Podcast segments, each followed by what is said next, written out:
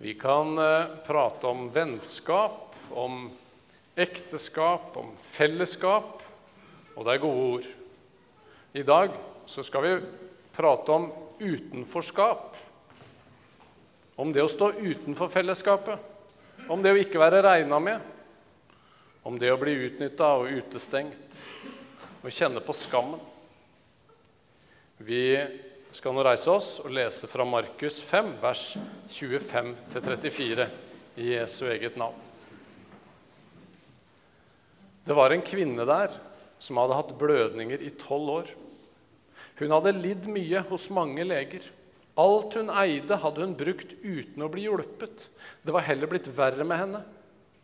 Hun hadde fått høre om Jesus og kom nå bakfra i folkemengden og rørte ved kappen hans.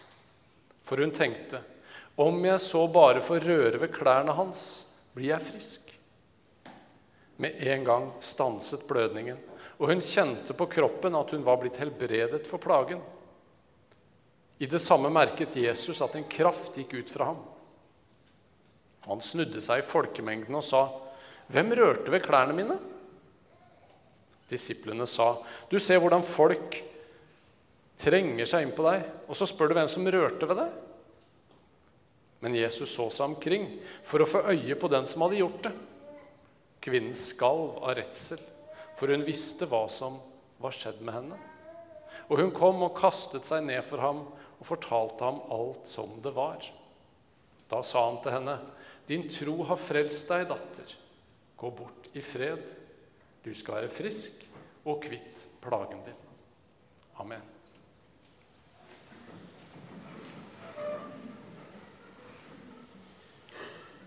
Vi møter en kvinne i dag som i tolv år hadde vært utestengt fra fellesskapet.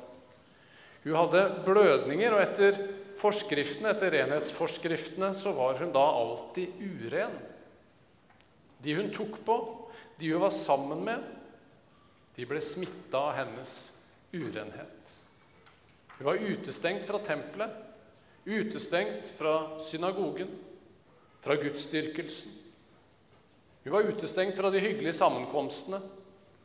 Og ikke nok med det, hun hadde brukt opp alle pengene sine i en desperat kamp på å bli frisk, på å bli ren for å komme tilbake, for å bli akseptert igjen.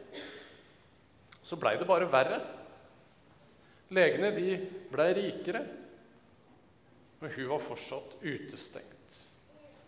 Hun var og ble fortapt i sin egen skam. Så hva er egentlig skam? Vi skal prate litt om det i dag. For det er lett å blande skam og skyld. Og selv om dette er to beslekta ting, så er det også to helt forskjellige ting. Skyld, det innebærer Når vi er klar over skyld, så innebærer det en erkjennelse av at vi har gjort noe som er feil. Og ved oppgjør og tilgivelse så kan du gå videre. Du kan legge det bak deg. Du bærer ikke lenger med deg skylda videre. Den er sona, gjort. Men skam, det er mer en følelse av å være feil. Hvor fokuset blir mindre på det du har gjort, men på at det er jeg som har gjort det. Det er jeg som er feil. Da hjelper det ikke med tilgivelse. Man vil bare skjule seg, bli borte. Adam og Eva de følte skammen etter syndefallet da de så de var nakne. Hva er det de gjør? De vil dekke seg til. De var skapt i Guds bilde, og nå har det Guds bilde blitt knust. Og så vil de dekke seg med fikenblader. Men hva hjelper det med fikenblader som visner? Allerede her, så tidlig i Bibelen, så ser vi konturen av Guds frelsesplan. Et frempek på at Gud har en plan for å fjerne både skyld og skam. Gud, hva gjør han? Han gir dem klær av skinn som skal dekke over deres nakenhet, over deres skam. Og med det så ofrer jo Gud også det første dyr. Det første liv må bøte for skylda.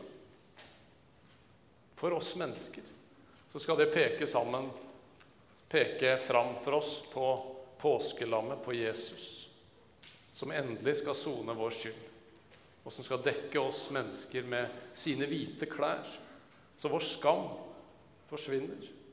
I oss sjøl så er vi nakne. Men nå blir vi ved troen kledd i Kristus, og han blir vår ære, vårt håp. Bibelen er en fantastisk bok, dere. Her har vi disse linjene fra første til siste side. Guds ord. For en fantastisk fortelling. Og så er det sant. Og så er det sant for oss. Men hvordan takler vi skam, da? Det er selvfølgelig sammensatt. Man kan ikke gi noe enkelt sånn svar på det. Men, for det er mange svar. Men én fristelse det er å gå til skamløshet.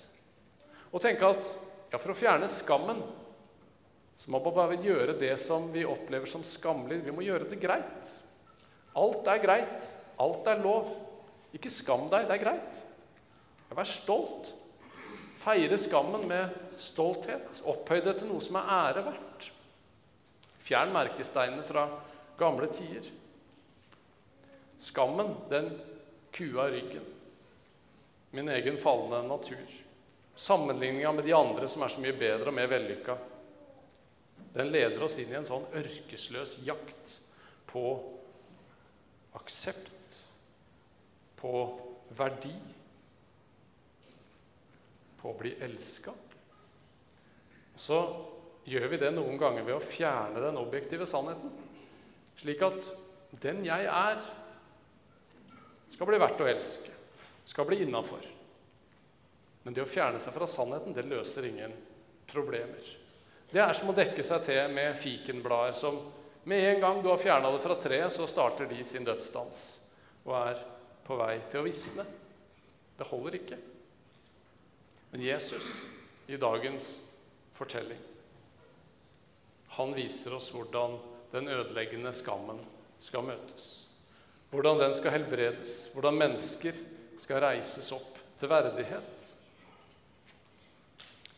Men Jesus så seg omkring for å, for å få øye på den som hadde gjort det. Disiplene husker vi kanskje, de viser barna fra seg. Men Jesus sier, 'La de små barna komme til meg'. Disiplene de blåser nå litt av Jesus' spørsmål om hvem var det som rørte ved kappen.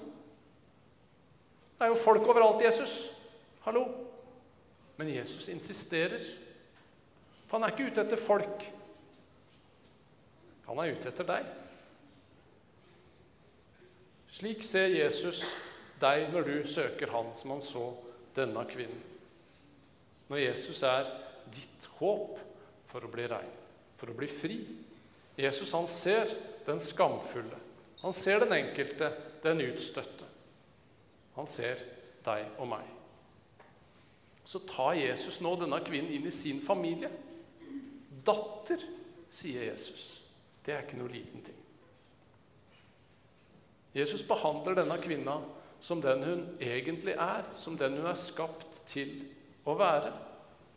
Et menneske elska av Gud, skapt i Guds bilde, uendelig verdifullt for han.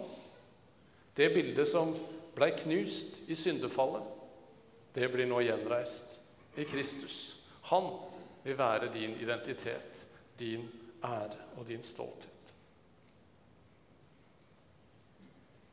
I denne dama så ser vi nå skammens reaksjon. Redselen for å bli avslørt. Redselen for at noen skal se meg sånn som jeg virkelig er. Panikken. Kvinnen skalv av redsel, står det. For hun visste hva som var skjedd med henne, og hun kom og kastet seg ned for ham og fortalte ham alt som det var. Alt som det var. For en herlig beskrivelse av et møte med Jesus. Det kunne jo blitt bare en flyktig helbredelse. Det var kanskje det hun var ute etter.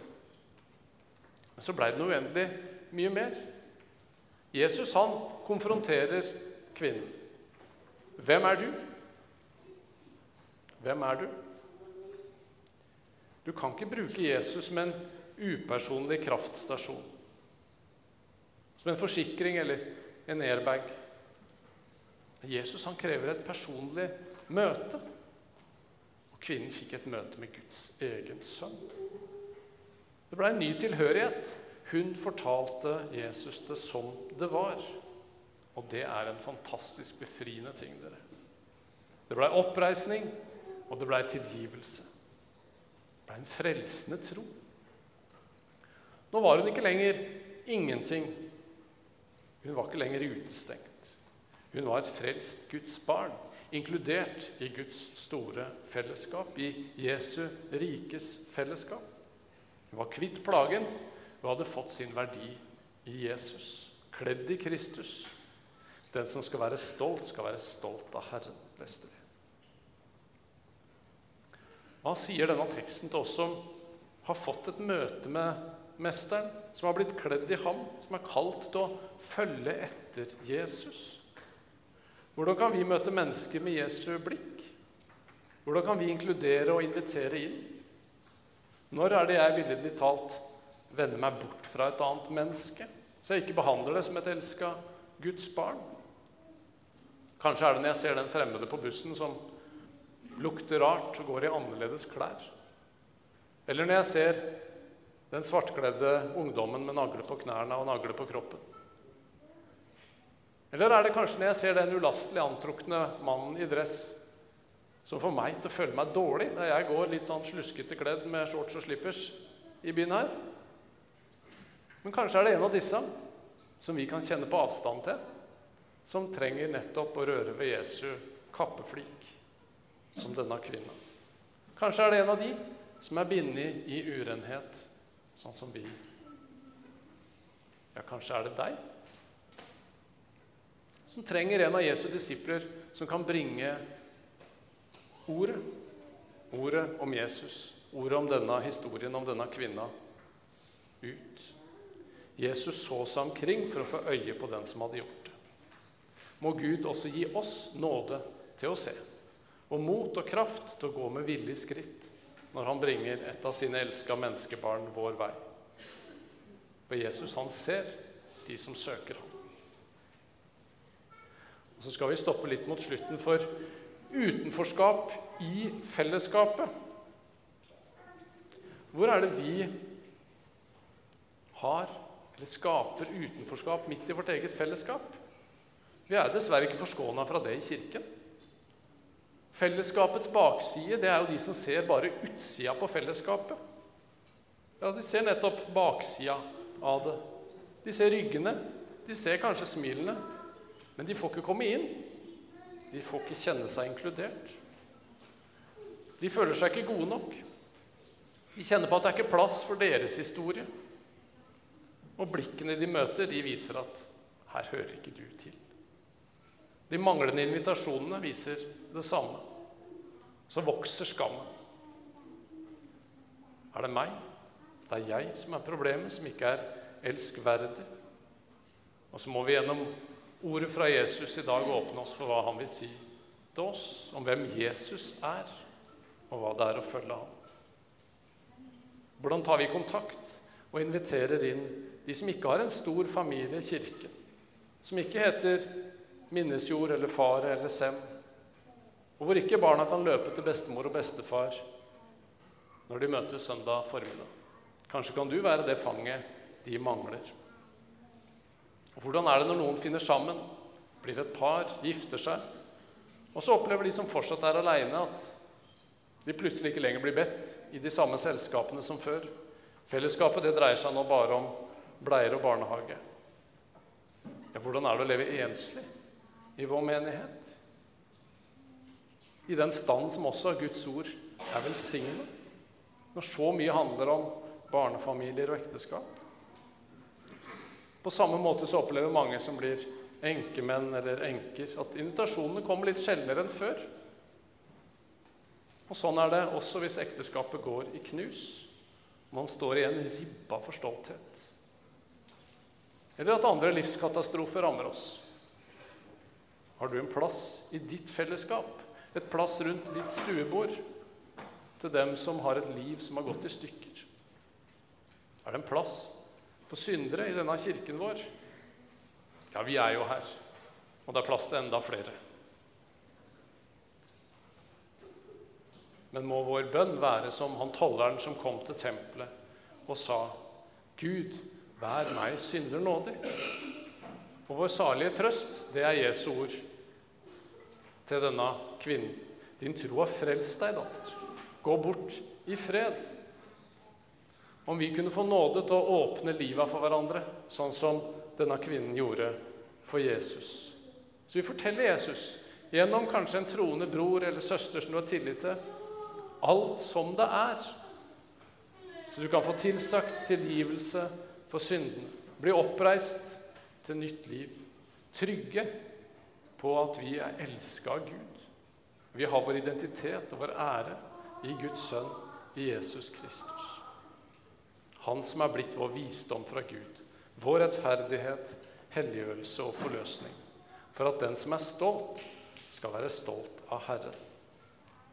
skal vi be litt sammen. Takk, kjære, gode Gud og Far, at du frelser syndere som oss. At vi har vår verdighet Jesus, din sønn. At vi er hellige i Han. Herre, takk at alt er fullbrakt og ferdig. Herre, led du oss frem. La oss bli til hjelp for dem som du viser oss trenger en hånd. Amen.